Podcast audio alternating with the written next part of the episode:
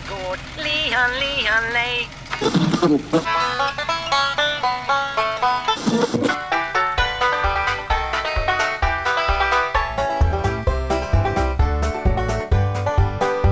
Du lyssnar på Bondepraktikan som presenterades utav Bulletin. Sveriges, i kanske särklass, viktigaste podd. Dagens bakåtsträvare är, precis som vanligt, Per-Ola Olsson och jag, Rickard Axdorff. Tycker du om våran podd och vill höra den en vecka innan gratislyssnarna så tecknar du en prenumeration på Bulletin. Förutom Bondepraktikan får du då tillgång till Bulletins hela premiummaterial. Med detta sagt hälsar vi dig välkomna till detta nya avsnitt. Varför låter du som en korsning mellan en cirkusdirektör och radioteatern Ger? Det, det, det var tanken att det skulle vara Radioteatern ger. Slash, du vet de här, sån här gammal eh, svartvit film som nästan är stum. Du vet, mannen till höger på bilden har fått en kofta.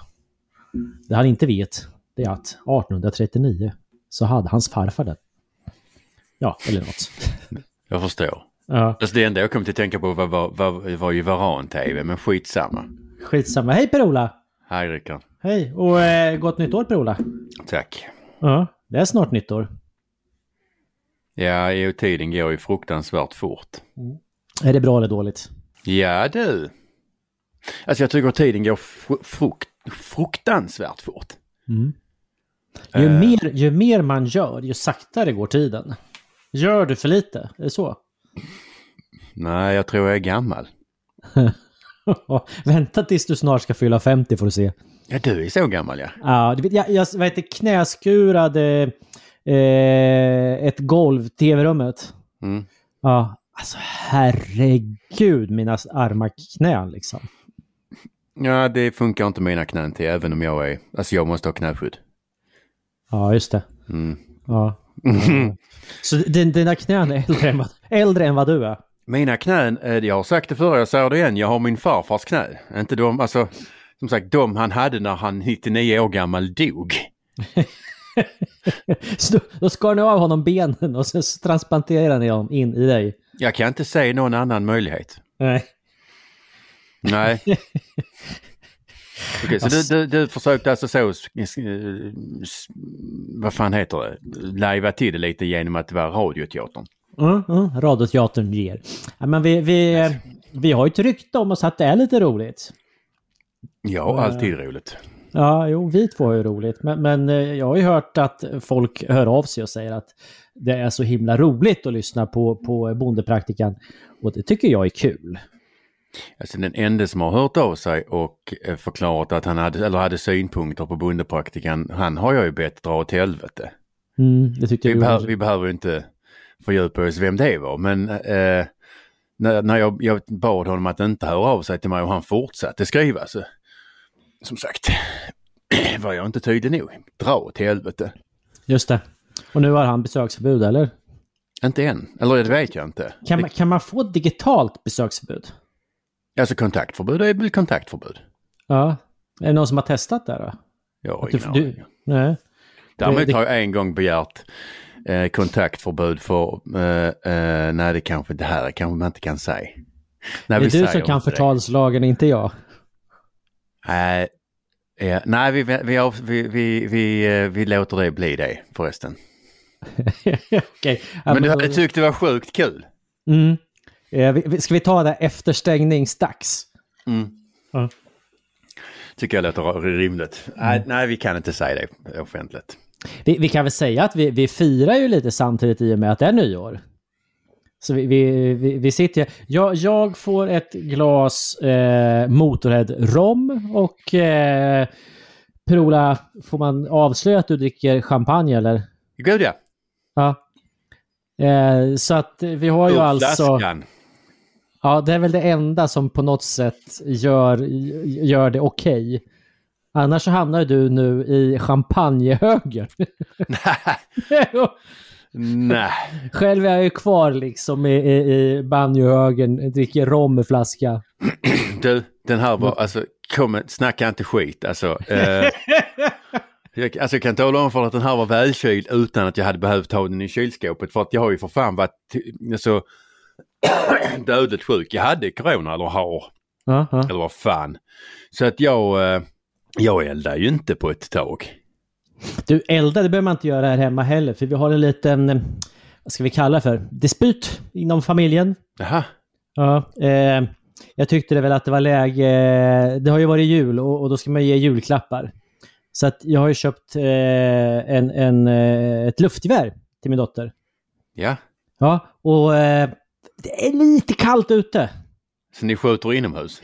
ja, så vi, vi sitter i förmaket, Ja. skjut, skjuter igenom förmaket och så, så har vi öppnat skjutdörrarna. Så vi skjuter tvärs, tvärs genom salen. Och sen så har vi en tavla inne på kontoret.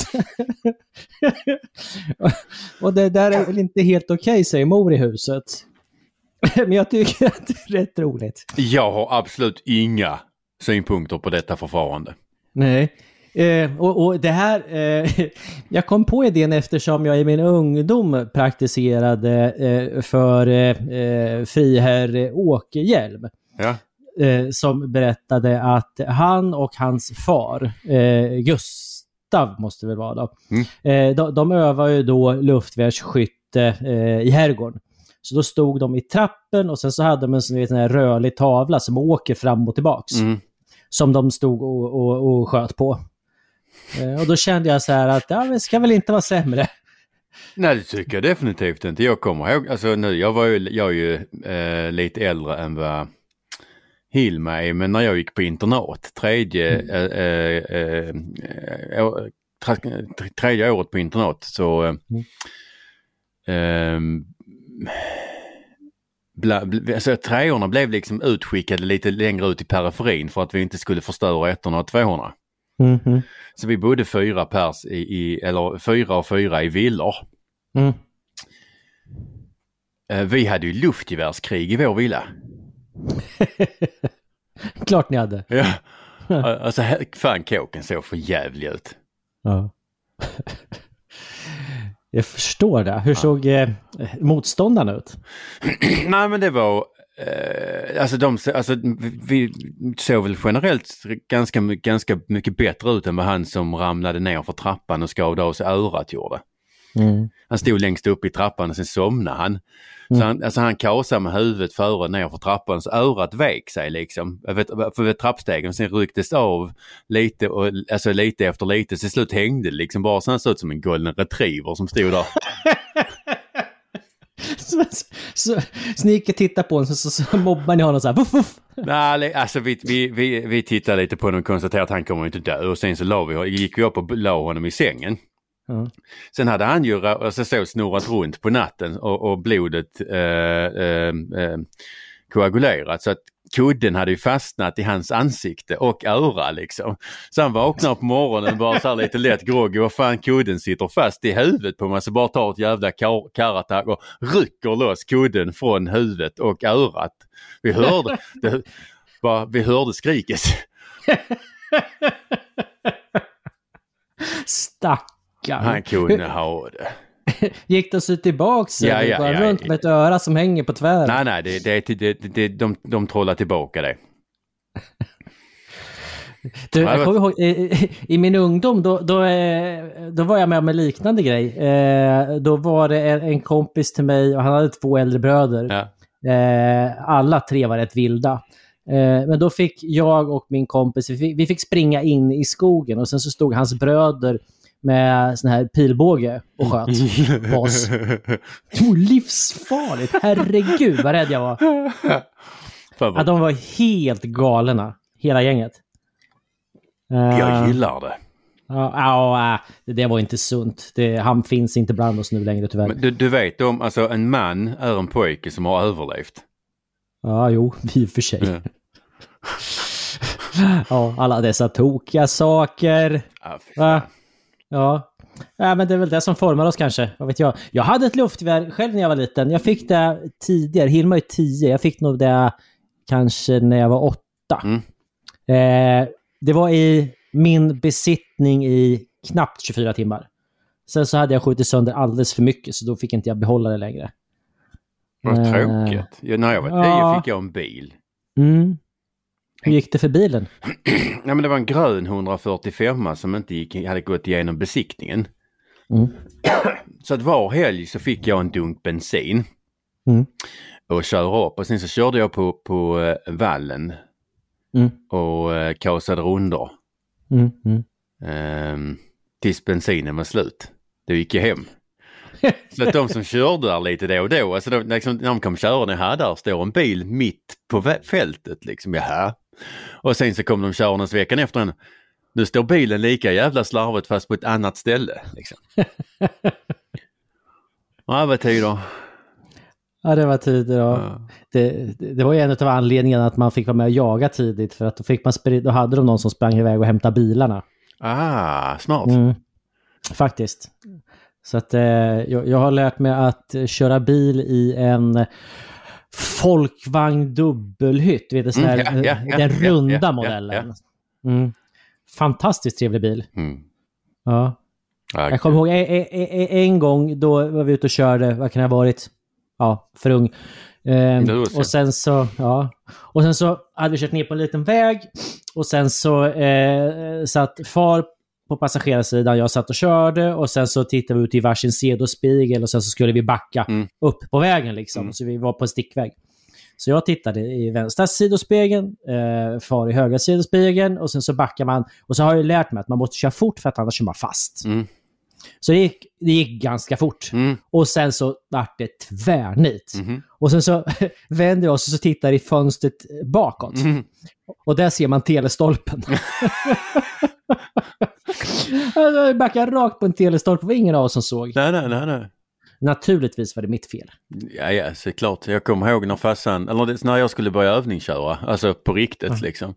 Ja. Så ringde, för då skulle handledarna ha en jävla intyg från polisen att de fick vara handledare. Så farsan ringde snuten i Simrishamn och sa, "Va, hallå, ja, ja, det är dags för pågen snart att börja övningsköra liksom. Och polisen i andra Mm. änden. Men han har ju kört bil länge.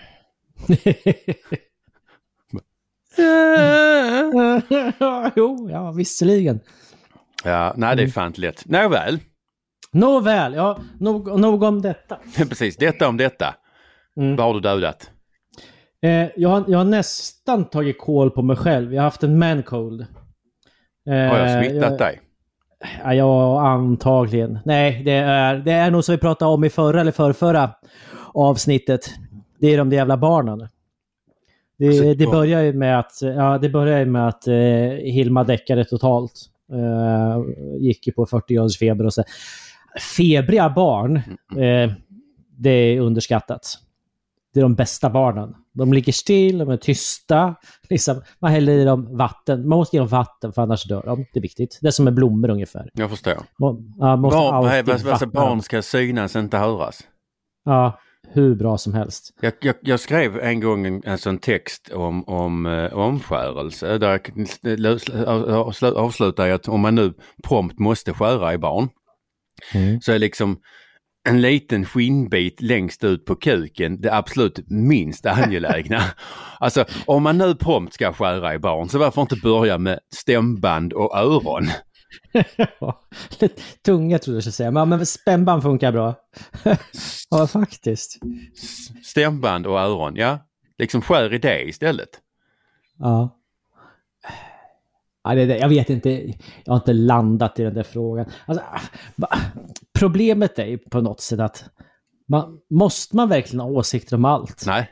Ja, men, ja, men, tänk om alla som har åsikter om sånt som du och jag håller på med, lantbruk, Håll, håll käften. som, som inte vet vad de egentligen pratar om, om de bara höll käften Ja. istället. Ja. Jag, jag vet ingenting egentligen om eh, vad säger, ritualen att skära i små pojkars snoppar av religiösa skäl.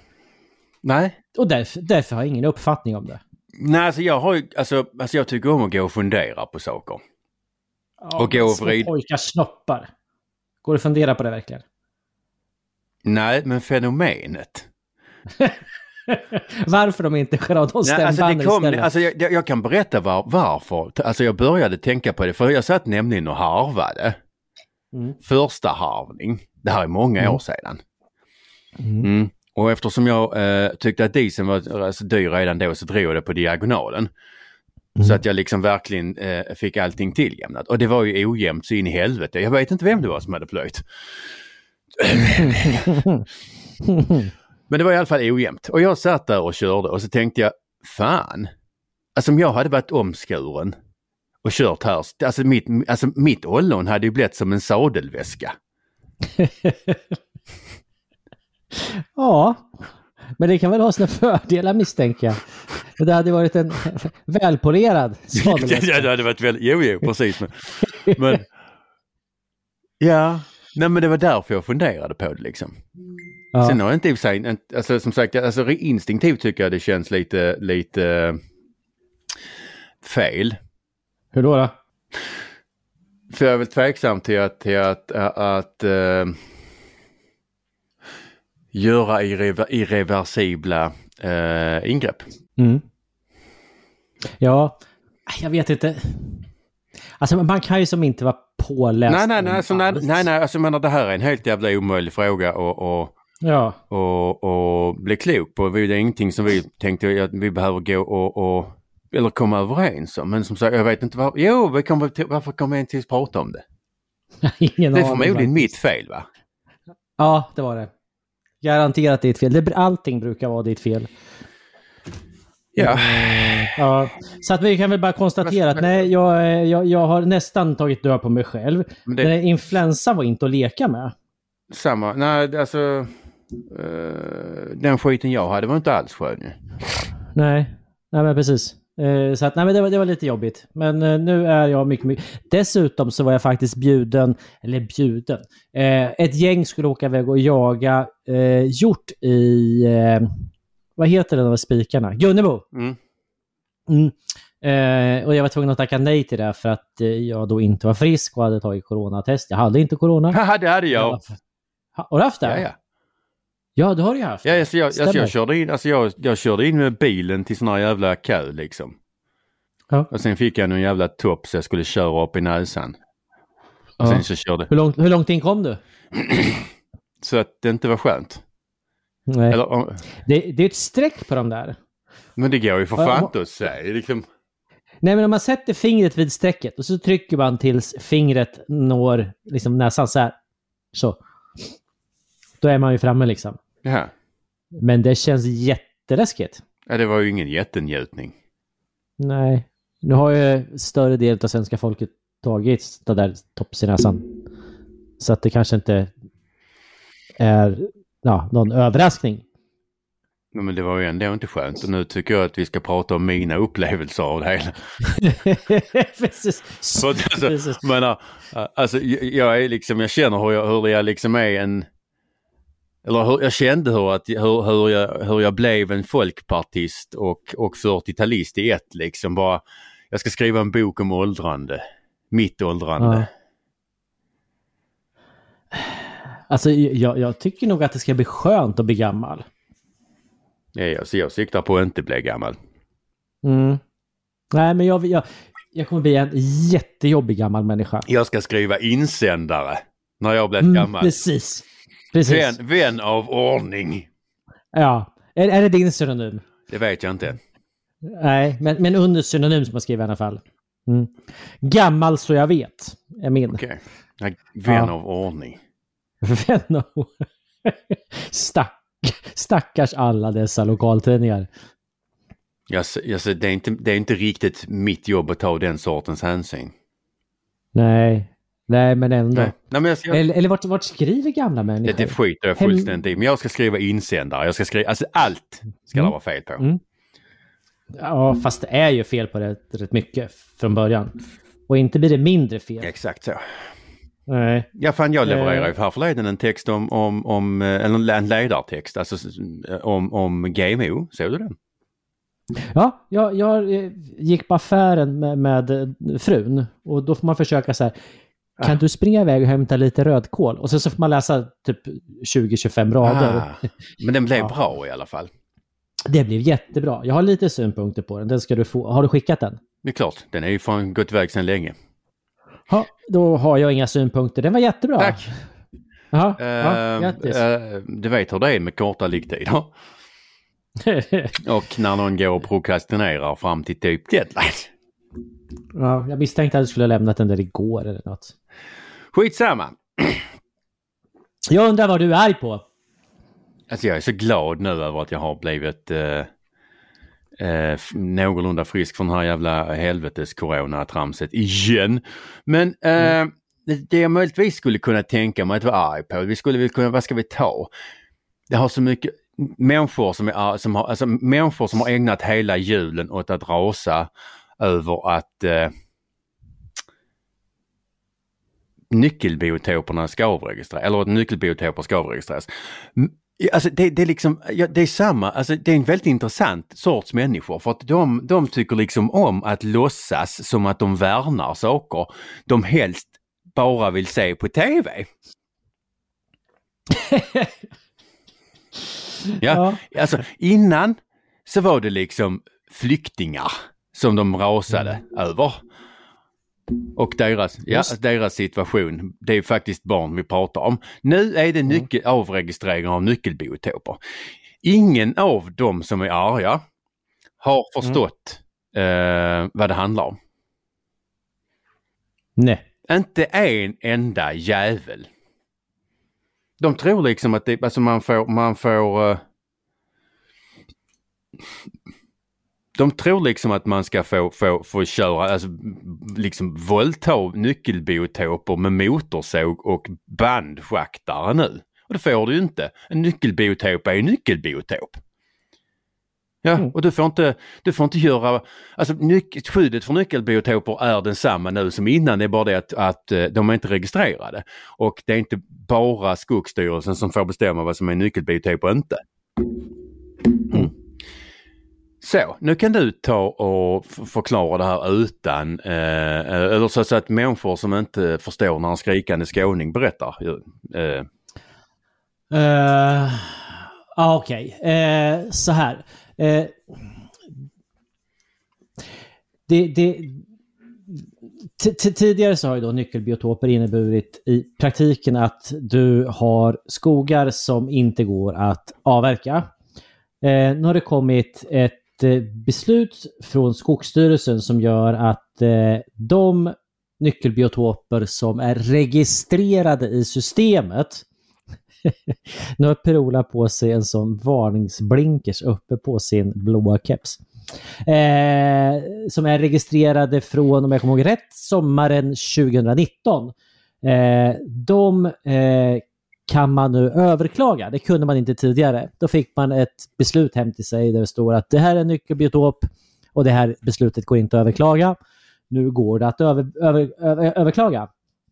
Eh, det finns en liten intressant detalj i detta dock och det är ju att beslutet från myndigheten kommer efter ett antal domar. Jag tror att det var sex stycken olika domar. Eh, alla domar ger inte samma utslag, det vill säga att du kan överklaga. Men fler ger utslaget att du kan överklaga.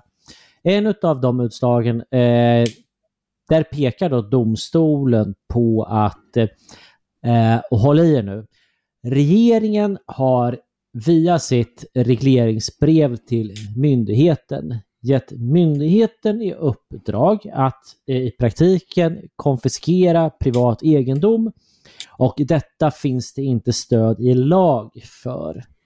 Vi har alltså eh, haft regeringar, för det här under lång tid, som har eh, gett i uppdrag åt myndighet att göra någonting som strider mot svensk grundlag.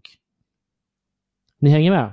Regeringen säger till myndigheten konfiskera mark och strunta i att det strider mot svensk grundlag. Såna här grejer, det reagerar vi rätt kraftigt emot i andra länder.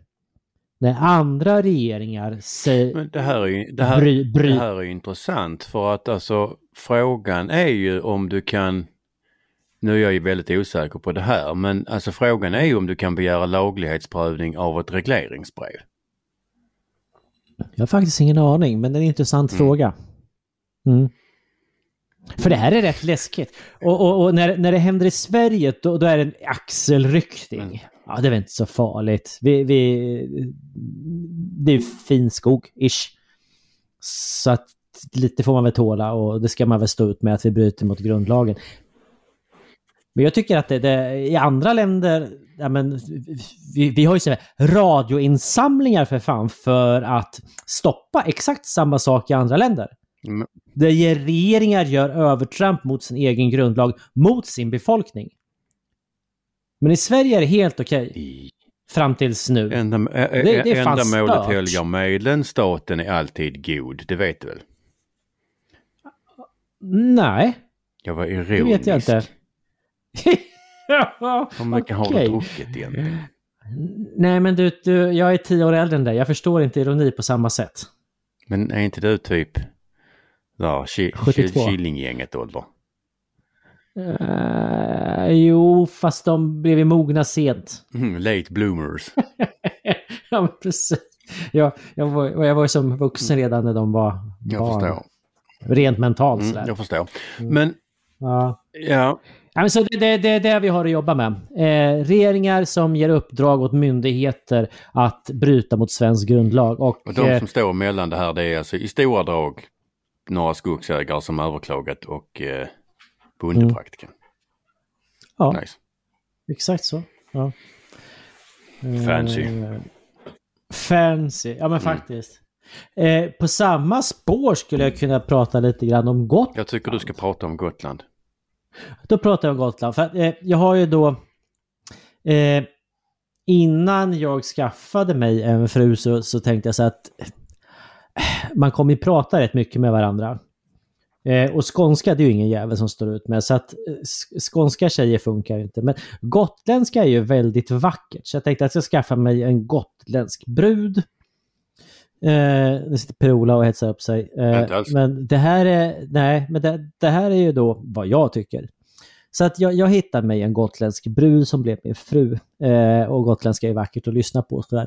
Eh, och med på köpet så fick vi en liten gård eh, på Gotland. Eh, och det gör ju då att jag har en hel del kontakter på Gotland. Och eh, då visade det sig att eh, det finns något typ av kartmaterial som är inte officiellt utan lite halvinofficiellt. Som myndigheterna använder sig för för att spärra avverkningar. Eh, sneaky bastards. Eh, så jag började på att ringa Ett runt. inofficiellt material. Ett inofficiellt material. Ja, precis. Det här, ja, det här är rätt stört. Så att man, man, vi kan väl ta Gotland i siffror då, som, som eh, Per-Ola brukar göra. Så Gotland i siffror. Eh, skogsmark ungefär 110 000 hektar produktiv skogsmark. Alltså skogsmark som eh, i en normal värld funkar liksom att bedriva skogsbruk på. 110 000 hektar. 110 000. Ja. 110 000. Utav de 110 000, ja. Utav de 110 000 så är ungefär 35 000 eh, hektar har restriktioner på sig så att du inte kan avverka. Mm. Eh, så 135 000 av 110 000. Eh, och sen så finns det kartmaterialet som inte är officiellt utan lite vid sidan av som är på 25 000 hektar. Så 25 000 hektar plus 35 000 hektar. Det är, ju en hel del. Ja. Av totalen på 110 000 hektar. 55 procent knappt. Ungefär så. Så om det här kartmaterialet får fullt genomslag så kan man säga att varannan hektar skogsmark på Gotland är spärrad ifrån skogsavverkning. Men, men, Och det där men, är ju lite men det är bara bekymmersamt. de 35 som hade någon form av officiellt. Just idag ja. För då sitter man, man har det kartmaterialet vid sidan av. Och så sitter man och väntar på, man har ju då inventerat. Och det som är lite sjukt här, det är att eh, materialet, då är det ofta så här svampförekomst. Så det troliga, nu spekulerar jag, men det troliga är att kanske ursprunget från 2006 kommer ifrån någon förening som inventerar svampar som har försett Skogsstyrelsen med, med ett material. Så att hej, vi har inventerat svampar. Och här har ni kartmaterialet. Det rör sig om 20 000 hektar kanske. Och sen så har Skogsstyrelsen och Länsstyrelsen kompletterat det här materialet eh, över tid. Men Så att det har blivit ytterligare. typ 20-23 procent av Gotlands skog har ett informellt skydd. Typ. Som inte markägarna de vet om. inte om att de har det utan de, Nej. alltså, de blir bara varse när de hör av sig och vill avverka och får nej. Med hänvisning till Precis. det tänker vi inte berätta för dig. Därför. Precis. Because why? Så att... Nej, för det finns inga pengar. Man kan ju inte säga så att hej, du får inte avverka den här skogen, vi har inventerat den. Och då kommer ju markägarna säga att aha, men då får ni faktiskt ersätta mig för att allt annat är stöld. Men de kan ju inte bara säga nej. Jo, då, nej, men de kommer säga nej Jag är en förvirrad tjej när det väl nej. avverkas. ja, just det. Eller hej, men ja. Hej, nej, ja. Eh, Så att, så, som det ser ut i dagsläget, och jag har pratat med tiotal eh, markägare faktiskt idag på Mm. ön. Eh, de har ingen aning om att deras mark delvis är spärrad för avverkning. Eh, när man pratar med Länsstyrelsen, visserligen med en informationsnisse som kanske inte vet så mycket. Han, han säger så här att ja, men vi, vi, har, vi har haft träffar, vi har informerat, men det har ju tydligen inte nått fram och jag hittar ingenting på deras hemsida heller. När jag pratar med Skogsstyrelsen så blir de lite lätt stötta och irriterade och skyller ifrån sig på Länsstyrelsen. Eh, till saken hör ju att Skogsstyrelsen och Länsstyrelsen var en och samma myndighet på Gotland eh, 2006 när det här eh, Så startades då upp. kan man inte skylla på varandra. Nej, det är klart man inte kan. Jag menar, det, man, man försöker glida undan men det går inte. Spännande. Mm. Eh, och sen så har jag ringt runt ytterligare på fastlandet och det visar ju sig liksom att de här listorna finns ju, det är inte bara Gotland, de finns överallt. Men så kan man inte göra. Det är Nej. fel. Så kan man inte. Det är fel. Eh, och, det, och det finns så många fel i det här. För att ett utav felen det är ju det att eh, när, när du bedriver, tänk att du har en näringsverksamhet och sen så visar det sig att stor del av din näringsverksamhet är blockad ifrån produktion. Det innebär ju faktiskt att när, när, när du har din bankkontakt så påverkar det dina bankförhavanden. Mm.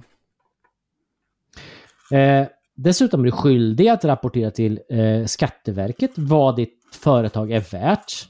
Och är det så att det minskar med mer än 10% eller 100 000 så är du tvungen att medge, meddela det. Mm. Och här, och här, har vi en massa markägare som är omedvetna om att deras mark är värdelös.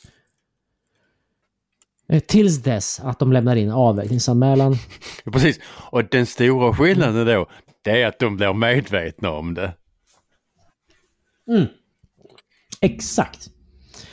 Och sen så finns det ytterligare problem. För att förr i tiden, och för, inte för så jävla Mm. länge sedan, eh, då, då kom det så här eh, budkavle om att 1500 hektar på ön skulle spärras ifrån avverkning.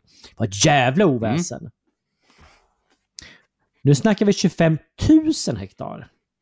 Och det är inte ett jävla oväsen, än i alla fall. Men det är ju inget, alltså där är ju inte oväsen för något nu för tiden. Nej.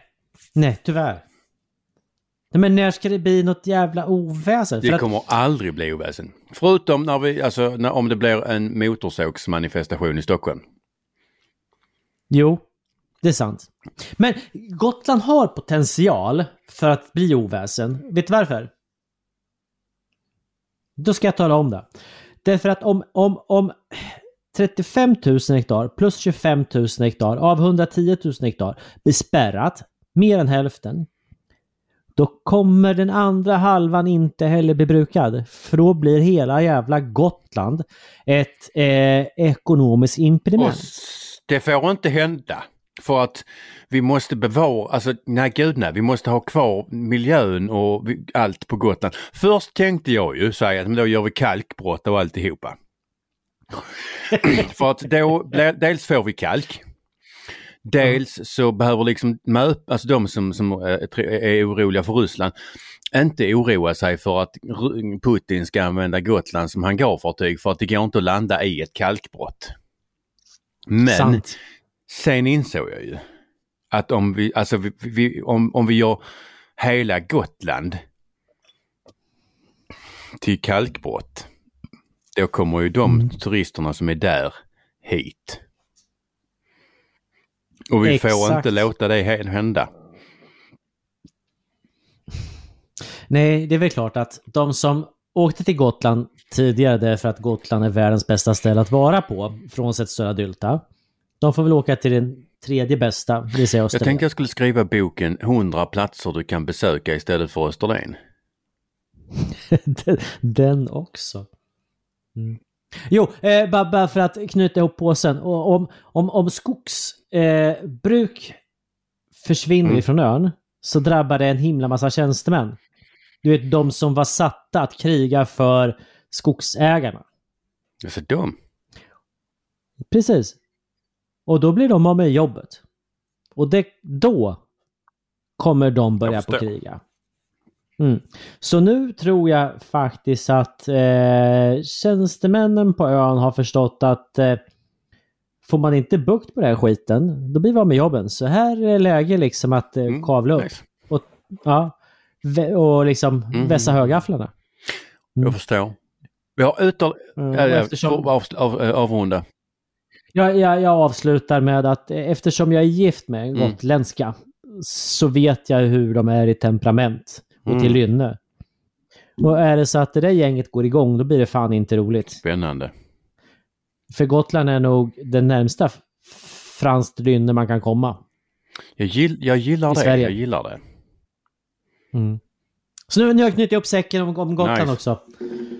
Ja. Jag har ytterligare en sak, alltså jag kan inte säga jävla jättearg, men jag har noterat att varken du eller jag är med på lands eh, så här 50-lista över de som har gjort mest intryck eller avtryck i, eller skillnad för svenskt lantbruk. Lans, vad är det? Eh, du vet eh, den där blaskan som, alltså som varken du eller jag tar i med tång. Jaha, Land Lantbruk, Ja. tidningen. Ja, då är jag med. Mm. Då är jag med. Medlemstidningen. Pravda. Mm. För LRF. Exakt. De, de, alltså de gör ju varje år en sån här fe- alltså lista över vilka som har gjort mest intryck, avtryck eh, eh, under året. Eh, Mm. Jag är inte med, du är inte med. Och jag har ändå, jag har ändå skrivit en, alltså en, en väldigt uppmärksammad essä om att ekologiskt inte är, eh, eller rättare sagt, ekologiskt är sämre för miljön. Banjo-högern Mm. som, som, ett, som politiskt begrepp. Och Mm. vi har blivit begåvade med en podd. Mm. Mm. Och sen, alltså, att du ska inte läsa och vi ska inte få recensera de här människorna för det är inte snällt. Men, men man kan ju i alla fall konstatera att jag är inte helt övertygad om, eller rättare sagt, jag ser inte jag ser inte samma som, som de eh, på landredaktionen ser. Inte för att på något vis vara bitter, för jag vill inte vara med på listan, men, men eh, jag blir bekymrad när, när en, en, en tidning som enligt stadgarna ska vara eh, oberoende eh, lyfter fram så många förtroendevalda. Ja, nej men det, det, så är det ju. Och, eh, nej, de, de har ju hållit på med det där ganska har länge och eh, varken du eller Jag jag, har ju varit varit med, med. någonsin. Nej, inte jag Eh, heller. och då har jag ändå gjort Eh. betydligt mycket mer än vad många av dem på listan har gjort. Men därför har jag gjort en egen lista, Mm. eller jag har börjat på en egen lista. Så att jag tänkte om jag, om jag läser Oj. upp min, börjar läsa upp min lista så kan du börja Ja. förbereda din. Okej, eh, nu kör vi lite på uppstuds. Ja, jag- Eh, Okej, kör, jag, kör, kör, du så jag kör jag alla mina och när vi kommer till typ eh, Ja. storken så är det din, din tur. Okej.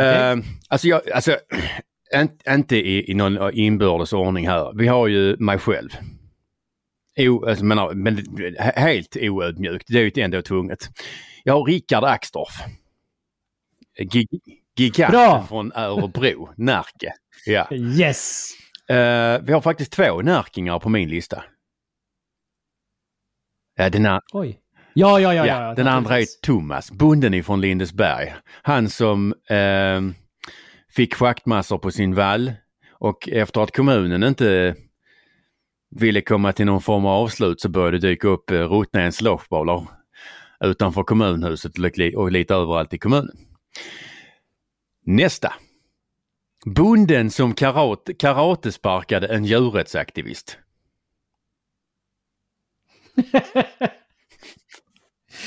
Du, du får nog vara lite, Ja, men där var, en, alltså, där var en flock djurrättsaktivister som bröt sig in i ett stall och han typ karatesparkar eh, eh, en av dem. Fruktansvärt kul. Det, lite dålig teknik men alltså klart underhållningsvärde i alla fall. Um, vi måste ju ändå, alltså, ändå alltså, säga att de, alltså alla som lyssnar på Bondepraktikan, för de är ju ändå en del av motståndet. Jag fick, fick, eh, fick faktiskt meddelanden från en eh, advokat häromdagen som lyssnar och eh, han fan, skrev Fan vad det är jobbigt att lyssna på er podd. Jag blir arg hela tiden.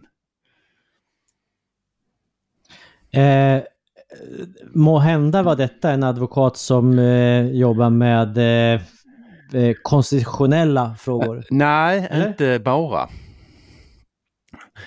Eh, eh, så att, alltså att de som lyssnar på Bondepraktikan måste vara med. Vi, och sen har jag eh, eh, doktor Sa Nu ska vi se här. Sanjaya Rajam. Det var en riktig, det är faktiskt en riktig. Ja, En gång till, vad hette han? Han hette San, Sanjaya Rajam. Rajaram. Raj, Sanjaya Rajaram. Ja, där har vi det. Sar Saraya Nej, riktigt. Han, eh, han jobbade med Norman Borlaug. Eh, och Okej. har, och när, när Borland, eller Borlaug dog så tog, tog eh, Rajaram över. Och har, han har under sin livstid eh, tagit fram eh, 480 högproducerande och sjukdomsresistenta vetesorter. De är, som är sådda på mer än 58 miljoner hektar i världen. 51 länder. Han har, alltså han har ökat produktionen med mer än 200 miljoner ton under sin livstid. Han dog i februari. Hmm. Eh, och sen så eh, vill jag alltid ge eh, eh, här, min form av så här, tröstpris eller eh, hederspris till eh, Stefan Vokic. Han är en kroat som har en stork.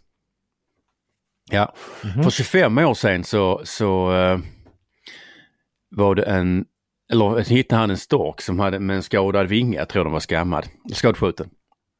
Så han tog hand om den. Mm. Så han kör runt med den i sin bil, eh, går och fiskar till sin stork, eh, bär upp den på taket till sitt bo, går och hämtar pinnar så att storken kan bygga sitt bo. och på vintern så får hon bo i, ja, hans garage eller vardagsrum. Eh, och för 15 år sedan så kom det en, eh, en hanne in i bilden. Som, han, som flyttade in, som heter Kleppetan. Storken heter, eh, sto- den, den, the, the real stork heter Malena. Um, där flyttade Kleppetan in eh, och eh, när det blir vinter, eller, bör- eller börjar bli vinter så fly, fly- flyger han tillbaka till, till Afrika eller flyger han till Afrika, övervintrar och sen kommer han hem igen. Eh, fruktansvärt eh, fantastisk historia. Så det går, du kan hitta den på Youtube. Så sök på eh, Malena och Kleppetan. Mm. Vad gulligt.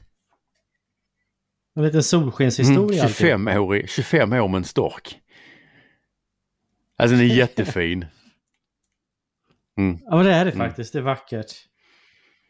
Det är vackert. Hur går det för dig? Ska jag prata Eh, mer? ah. Nej, ja, nej, men vi, vi kör lite grann. Du kan vi fundera på några Nej, fler nej kanske. jag har en tänker så här, lista däremot. Som bara omfattar en väldigt lång punkt. Ja okej, men, men då, då tar jag mina däremellan då som jag kom på så lite snabbt. Eh, vi, vi, vi, gör ju så i den här podden, vi tar saker och ting på uppstuds. Eh, så då börjar jag faktiskt med eh, Jannik Svensson. Jannik. Ja, eh, Jannik Svensson, eh, VD för Bulletin och mannen som faktiskt eh, följde sitt hjärta och insåg att det behövdes bönder i etern. Eh, det var alltså Jannik som tyckte att eh, Per-Ola och jag skulle börja Mm. podda. Eh, jag tycker att det är värt att hamna på våran lista faktiskt över personer som har gjort nytta för landsbygden i år. Ja, men ja, det, det tycker jag definitivt. För om vi tittar, alltså jag... Jag... Alltså det är bara att konstatera att Jannik hade en bättre sin, eller näsa än vad jag trodde han hade. För att jag trodde inte att vi skulle mm. få så här stora lyssnarsiffror så här fort. Nej, så att, Nej. Jag, menar, jag tror att du delar den uppfattningen. Så att både du och jag undervärderade ju vår eh, slagkraft, genomslagskraft eller, eller vad ska vi säga, det intresset som fanns för det här, det här perspektivet. Däremot så såg ja. Jannik det. Ja, och jag tror att han kanske inte bara såg oss utan han såg kanske samhällsutvecklingen. Ja, ja. Han förstod att det mm. fanns någonting här som, som eh, retade, irriterade och mm. intresserade. Mm. Att det fanns mm. någonting som var värt att mm. diskutera om, som var utestängt. Det fanns liksom en mm. tom stol. Eh, och, och, i den Chesterfield-soffan sitter yeah. vi idag. Ja! yeah. Så att eh, jag tycker nog att Jannik Svensson förtjänar att hamna på våran lista över personer som har gjort bra saker mm. för landsbygd. Eh, sen så har jag en kär gammal vän, höll jag på att säga. Eh, Karina, eh, som jag har skrivit en bok tillsammans med tidigare. Eh, hon har gjort en bok som heter Vargen och statsmakten. Som är väldigt, väldigt läsvärd. Eh, det är en eh, bok som är neutral, skulle jag säga. Men som pekar på hur eh, det är politiken som har förstört vargfrågan. Men det är det ju. Eh, ja, men hon, hon gör det väldigt snyggt i den här boken. Hon är skicklig journalist, hon är duktig skribent, hon är nu ute och pratar om sin bok. Och hon på, hon, hon, hon, på ett vackert sätt så pekar hon på att det är bara ett av alla målen kring vargen som är uppfyllda. Jag tror att det är 15 mål. Och det som är uppfyllt är volymen vargar. Resten har man inte lyckats mm. Eh, och jag skulle säga att hon, hon har nog gjort mer i vargfrågan i år än vad väldigt många andra har gjort som har betalt för det. Förvåningen. Eh, så jag skulle vilja... Ja, nej men jag skulle, skulle, skulle vilja skicka liksom... Hon, hon borde vara på listan. Eh, sen så tänker jag så här, det är lite off the topic men ändå. Edvard Blom. Han ska vara på alla listor känner jag. Ja, men Edvard Blom och eh, Stefan Wokic ska vara på alla listor. Faktiskt.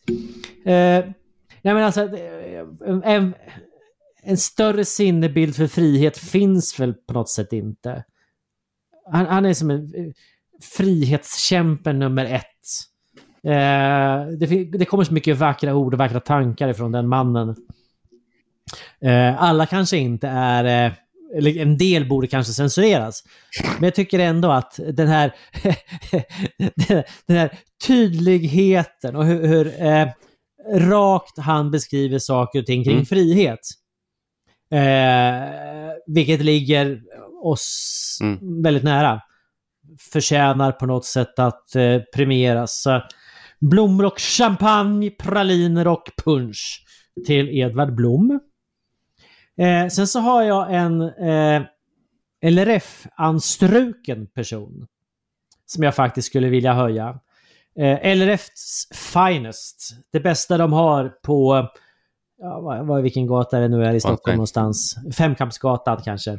Franzéngatan, precis. Eh, Gunnar Lindén. Eh, jag gillar Gunnar. Uh, han är bra, han eh, är alltid tillgänglig, han har kloka synpunkter och uh, han får alldeles för lite cred. Han är mannen bakom allt annat. jag gillar Gunnar. Så att två tummar upp minst Trevligt. på Gunnar. Menar, hur många tummar har ni i Skåne? Har ni tre? Nej, du fyra? tänker på listan. Jag vet inte. Mm. Så var det. Ah, ja. Alla tummar upp för, för Gunnar Lindén. Sen så tänker jag på den här snubben på LKAB också. Precis. Vet han som twittrar? Anders. Ja, Anders vad heter killen? Anders... Precis. han, han är ju suverän på Twitter och förklarar liksom saker kring, ting, kring hur det är att bryta malm och, och hur det är i Malmberget. Och liksom, när han hänger med och berättar om tåget, när han åker då med, med malmen ifrån, eh, ja vad det nu är, någonstans. Eh, Mm. Malmbergen till exempel. Eh, till, till, till Norge. Och, och liksom intervjuar den här tjejen som kör tåg. Ja, men det är fantastiskt bra eh, på Twitter. Alltså jag Så tycker att, att, eh, alltså, alltså, ja, Honom. jag vill fan göra ett studiebesök. Mm. Ja, men jag med. Jag vill träffa Ja. honom. Hur, hur får vi träffa Vi honom? bjuder in oss. Mm. Det gör vi. Och sen som min sista eh, förtjänar på att vara på listan. Eh, det finns många dådisar ute i landet som gör massvis med saker eh, bakom kulisserna. Mm. Som eh, inte kan eller inte vill eller inte syns för att det skulle motverka saken. Det vill säga att de skulle kanske kunna synas och göra sig en profil och en person på det. Men det skulle missgynna saken. Jävla... Så därför låter de bli. De blir icke-publika. Mm. Det finns massvis med sådana personer. Eh, och jag skulle vilja skicka upp en snubbe på den här listan. Vi kallar honom för fiskhandlaren. Eh, jag säger Skål. inte mer än så. Du vet vem du är. Fiskhandlaren. Ja, faktiskt. Han har gjort så fantastiskt mycket för skogsbruk, lantbruk, jakt, frihet under det här året så att han förtjänar att vara på den här listan. Definitivt. Så det där någonstans tog min lista slut just nu i alla Ja, fall. men jag, tycker det, alltså jag tycker vi har Ja. gjort en fantastiskt bra lista, om jag nu får säga det själv. Du hade en antilista, det är jag inte Ja men det var så här att jag satt och började tänka, fan Ja. jag skulle vilja göra en egen lista och sen gjorde jag en egen lista och sen så, sen tyckte Mm. jag det var tråkigt. Och sen land, alltså Okej. landade jag liksom bara, vem har varit mest värdelös? ja, Okej. Åh, stackare som hamnar Den- på den listan. Ja. Det är bara en eller? En person som Ja. har varit mest värdelöst. Eh, tänk nu på Du kan vara helt lugn, förtalslagstiftning. man kan inte förta. Ja, ja, jag är lugn. Nej, Jag alltså- inte säga något. På min antilista, liksom, den som har varit mest värdelös Mm. för jord och skog i år. Är, alltså man skulle kunna tänka sig att det var, eh, eller säg nu, nu, nu växer ju listan i mitt huvud dramatiskt. Vi skulle kunna ta alla miljöpartister och allt sånt. Men jag vill ändå ha med, alltså att, att den, min antilista ska bestå av LRF och deras Eh, att, och att de inte har lyckats sjösätta appen för att folk ska byta grädde med varandra. Alltså, inte, alltså det var, inte, det var ingen, ingen om, omskrivning av Tinder där. Men Nej, för, att för, för, alltså för flera år sedan så gjorde nämligen, alltså, så skulle Ja. LRF vända eh, eh, vända lönsamheten för mjölken och lanser, drog igång ett hackathon. Jag vet inte vad det Hackathon? är, men det, det, det var en idé då som hette Reinvent Milk. Ja, de skulle Okej. citat diskutera och innovera kring mjölkens roll i samhället från mjölkkon till glaset ur ett perspektiv som, ur perspektiv som klimat, hållbarhet och näring. Slutcitat. Och, och, och det här, alltså, alltså ehm, de trender som LRF Mjölk då såg var, eh, och som låg till grund för den här Reinvent Milk-dagen var till exempel Urban Farming. Med bland annat hållbara Hökarängen som exempel. Urban Samt, samt hyperlokala ekosystem och cirkulär ekonomi. De två bästa idéerna från det här program, från den här dagen. Eh, Rickard, varför är du helt illröd i huvudet? Okej. Mm, fortsätt. De två bästa idéerna från de här dagen, det var en dels en plug-in till hemsidor som visar olika varors klimatavtryck. Dels en app för att folk skulle kunna byta mjölkpaket med varandra beroende på när den gick ut. Och det här, alltså, det här skulle alltså vara någon, alltså det här skulle liksom rädda mjölken och det här har fortfarande inte skett. Alltså det är liksom fyra år sedan.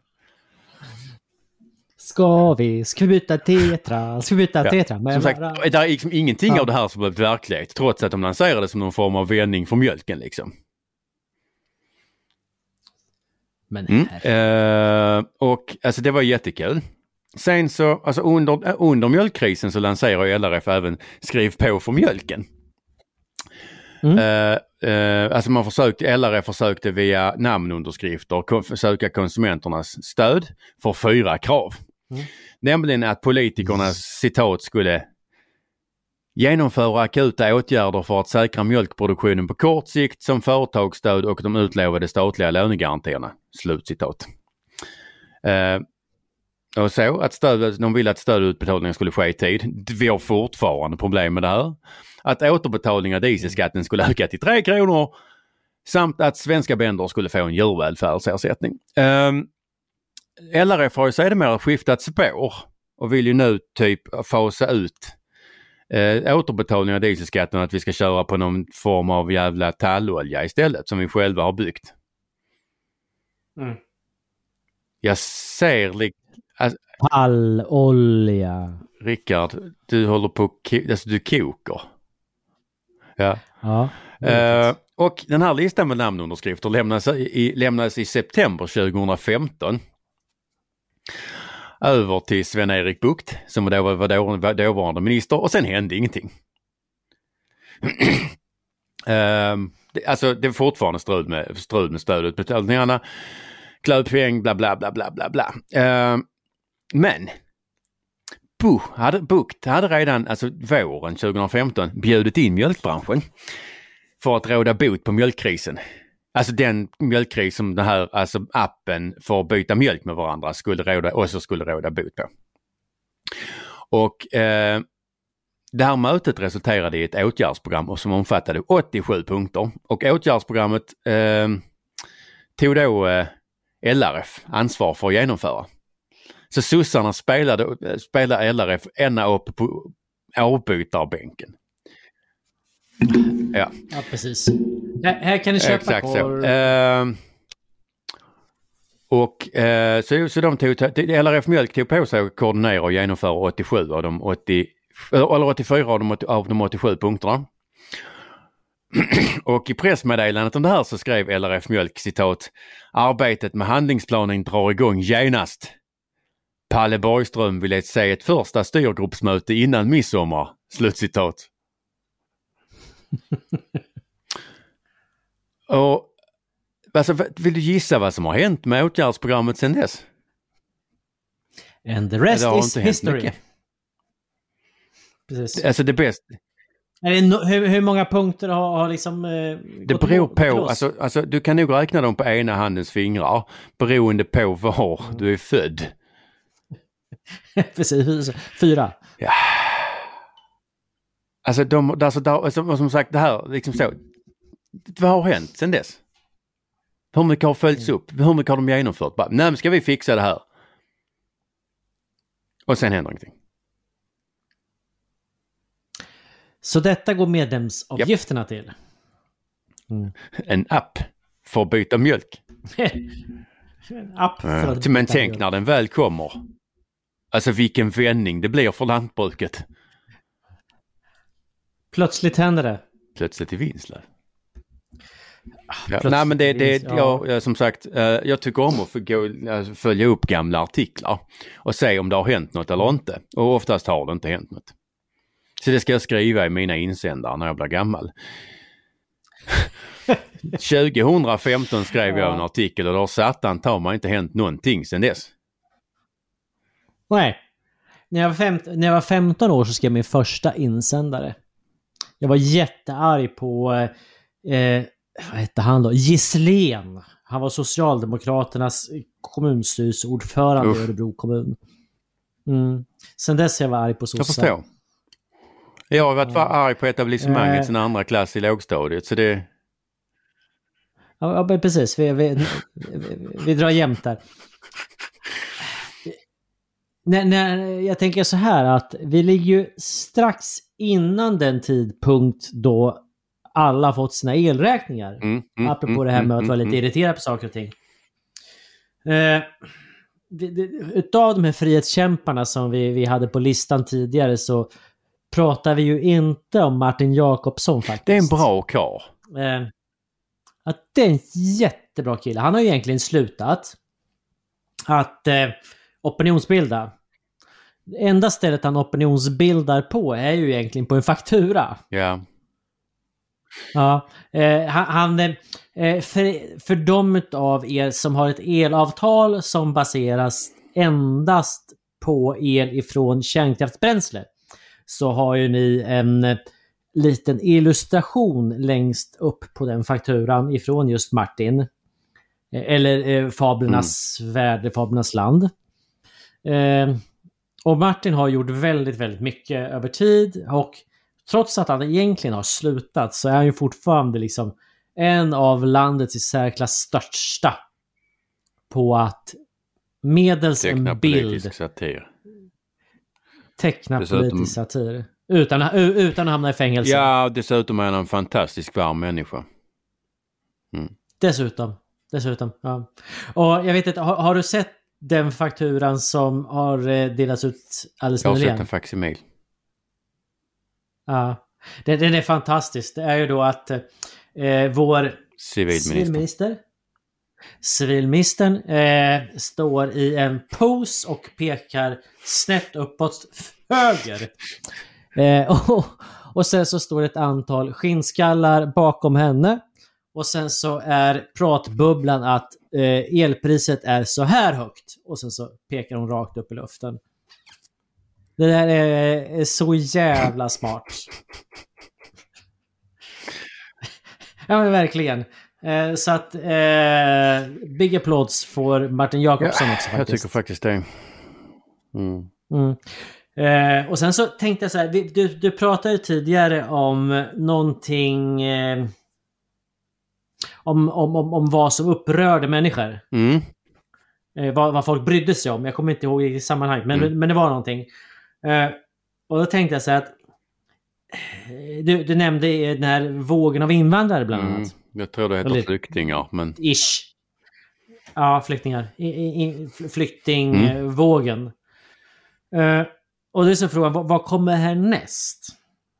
Och frågan är liksom inte om, om inte elpriset är det som kommer eh, få stor impact på eh, hur folk kommer distansera sig mellan varandra. jo, Eh, det är ju det. Ja, men för någonstans, ja men jag tror det. För nå, nå, vi, vi fick två läger där. Eh, och idag så eh, har vi ju här, ledarskribenter som menar på att det är väl inte hela världen man får betala lite mer Ja, i- man i- upplever i, att man får betala lite mer i el. Man upplever att man får betala lite mer. Ja, eh, och jag skulle nog säga att större delen av journalistskrået för vi ska komma ihåg att journalistskrået, eh, ungefär hälften av dem bor i storstäder. Mm. Och den andra halvan vill bo i storstäder. Eh, och den elräkningen de har det är egentligen hushållsel. Ja, ja, ja, ja. That's it. Så om den går från 500 spänn till 1500 spänn så är inte det kanske hela världen. Och därför så kommer de inte skriva om det. Nej. Men för väldigt, väldigt många utanför det skrået så är faktiskt elräkningen en, en Mm, big mm, mm. issue. Det är skillnaden Klart är en mellan issue. semester eller tror, inte. Alltså, men om vi tittar så är det ju det är ju beyond skillnaden mellan semester eller inte. Det är ju liksom fråga om liv och död, höll jag på att säga. Nej men alltså vara kvar. Ja, ja, men jag, jag, är som en, jag ju bekanta eh, eh, som, som eh, tar lån för att betala Det är elräkningen. ju rätt intressant med tanke på att vi har rätt många tråkiga månader kvar. Precis. Så att... Eh, och vi, vi kan ju kolla på... Norge är typ exempel. I, I Norge så har vi så Facebookgrupper som växer från, 10 000, från, från, från några tusen till 400 000 på några veckor. Mm. Som sitter ner och diskuterar med norska regeringen om vad de ska göra åt det. Facebookgrupper. Alltså typ människor, folk. Ja, men det är väl inte så jävla Civilister. konstigt. Att, menar, alltså, menar, alltså, alla sunda politiker ser ju var fan det barkar ju. Mm. Men när vi är på, menar, alla, alla råvaror är över det som tände arabiska våren. Ja, ja. På Mm. alla plan. Och, och i det sammanhanget liksom, om vi ska titta på det politiskt, så blir det bekymmersamt. För att de som har varit med och påverkat, det är de etablerade partierna. Det är de som har kunnat göra något. De som stått utanför och inte kunnat påverka, varit utfrysta och så vidare, de har ingen skuld, för de har inte kunnat gjort något. Mm. Så återigen så Problemet med landar det här är ju att man riskerar när man, alltså, alltså menar, ibland finns ju en anledning till att de har varit utfrysta. Mm. Ja, ja. Men att det finns, det, finns, det finns vettiga människor som har, eller vettiga alternativ som varit utfrysta och det finns jävligt ovettiga alternativ som har varit ut, utfrysta. Mm. Ja, det är spännande. Så eh, det är spännande. Så att, ska vi komma överens om att nästa stora issue vad det gäller just eh, separationen mellan människogrupper är elpriset. el, elen och soppan. Ja, elensoppan. Ja, ja, det är fullt rimligt. Så då landar vi att vi kommer ju ha den där motorsågsdemonstrationen. Japp. Ja. Definitivt, ja, definitivt. Eh, definitivt. Och innan, Ja. innan vilket, vilket i och för sig hade varit en fantastisk eh, bra grej att sluta med. Men innan vi slutar så tänkte jag att vi drar två ord om Pensars också. För det slutar ju väldigt, Ja. eh, det var väldigt mycket med Pensars förra avsnittet. Och vi kan som sagt det var jävligt hett den 17 och det var jävligt hett den 19. Den 17 så efterlyste Johan evakuering av fröbarn. Det här efter att det var, de, alltså man hade helt enkelt gett sig på honom. Eh, man retade, eller man hade för, först eh, eh, på tisdagen eh, plockat ner eller stulit en jävla massa staket. 250 meter. Retat honom och sen fortsatte man reta, reta honom på, på Facebook och när folk de förklarade, eller skrev att de skulle ta med sig, ta med sig gevär eh, då eh, efterlyste Johan evakuering av fru och barn. Den 19 hade vi samma förfarande. Då började man reta Johan och sen så går man sig på och, och, och eh, eh vandalisera egendom. Och jag får känslan att de är mer, mer ute efter Johan än vägen. I vilket fall som helst så har de här nu gått så långt över gränsen att, att de som, vad ska vi säga, ansvarar för fortsättningen för det här inte har någon skyldighet att, att berätta något för oss. Och vi får helt enkelt ta uppdateringen efter nyår. Eller om och när något går till åtal. Um, klart är dock att det är många som har gått bort sig. Och det borde vara några som har ont i magen. Johan har mindre ont i magen nu. Han har, hunnit, han har fått sova ett tag och eh, där är folk som håller familjen sällskap.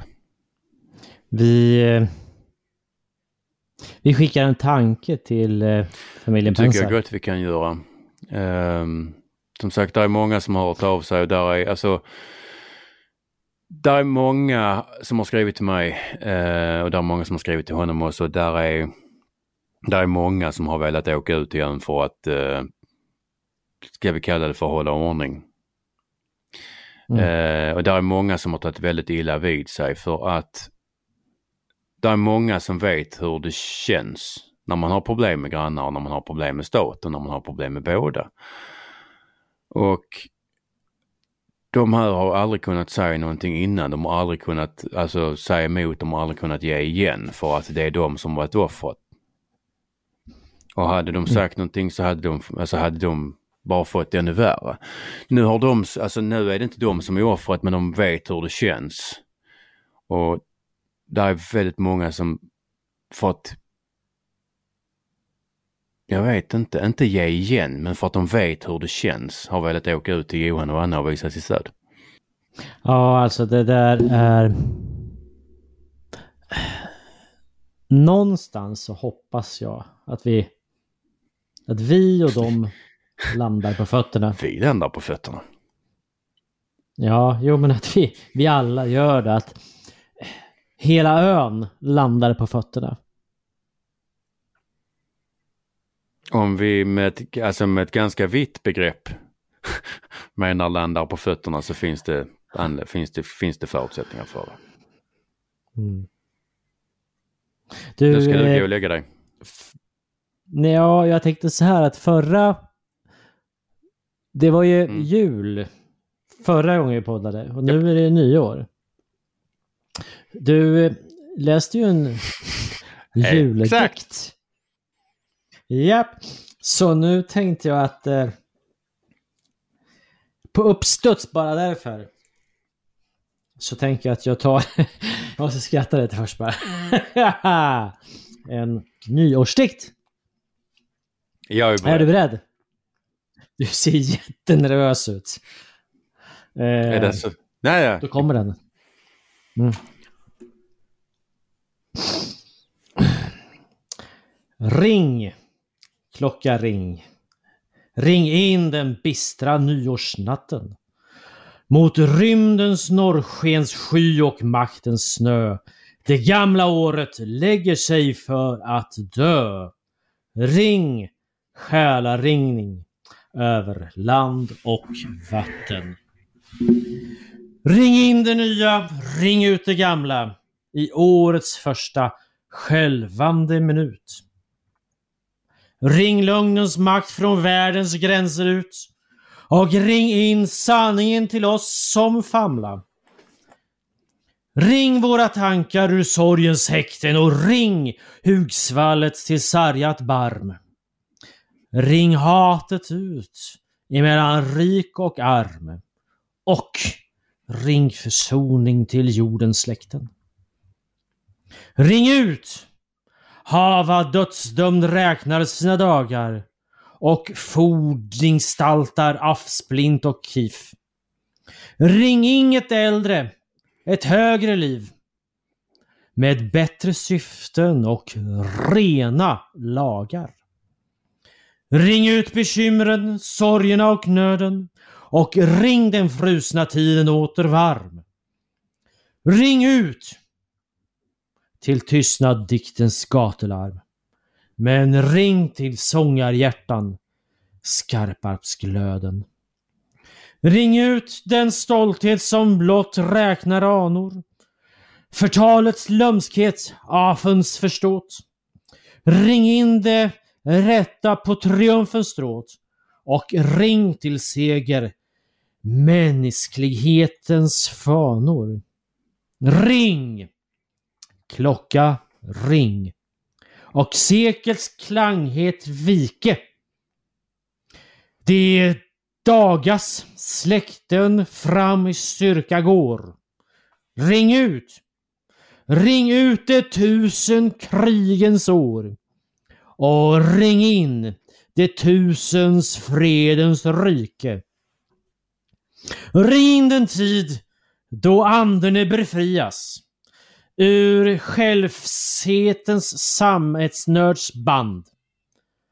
Ring mörkrets skuggor bort ur alla land. Ring honom in, den bidade Messias. Tack. Du har lyssnat på årets sista avsnitt av Bondepraktikan. Idag har vi pratat om småbarnssnoppar, storkar, luftgevärskrig, skog på Gotland, fiskhandlaren, en app för att byta mjölk med varandra och om elräkningar. Vi har ringt in det nya året. Tycker du om det du hör och vill höra oss en vecka tidigare innan gratislyssnarna kan du alltid teckna en prenumeration på Bulletin. Bortsett från Bondepraktikan får du då tillgång till allt på Bulletins premiummaterial. Vi hoppas att vi hörs på det nya året och med det säger jag och Rickard gott nytt år. Tjingeling! Gott nytt år!